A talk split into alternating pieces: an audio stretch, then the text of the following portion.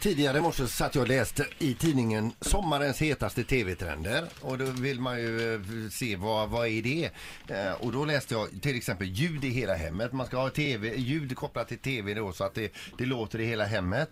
Och sen så eh, smart-tv, det måste man köpa. Ska man köpa en ny tv nu så måste det vara en smart-tv. Läser man här också då. Designen räknas. Så står det också, var inte rädd för att prata med tv-försäljaren om de hetaste senaste trenderna. Försök ligga lite i framkant och så vidare då för att inte typ köpa gammal teknik eller eh, så. Och man ska satsa då på HDR och Ultra HD.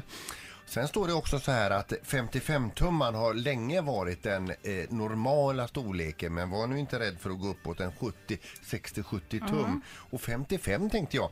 eh, Då känner jag mig bra dum. För ja, vi har ju 50 tum hemma och jag tycker att den är jättestor.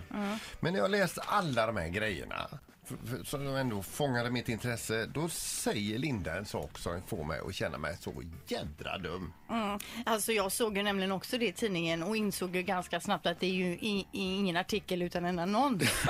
Så det är ju meningen Peter att du ska känna att du behöver köpa nytt. Ska du köpa en större TV? Nej, inte nu. Det var ju en annons. Ett poddtips från Podplay. I podden Något Kaiko garanterar östgötarna Brutti och jag, Davva, dig en stor dos skratt.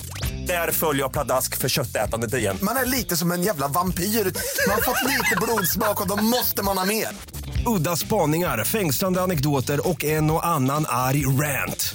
Jag måste ha mitt kaffe på morgonen för annars är jag ingen trevlig människa. Då är du ingen trevlig människa, punkt. Något kajko, hör du på Podplay. Därför är gardinerna.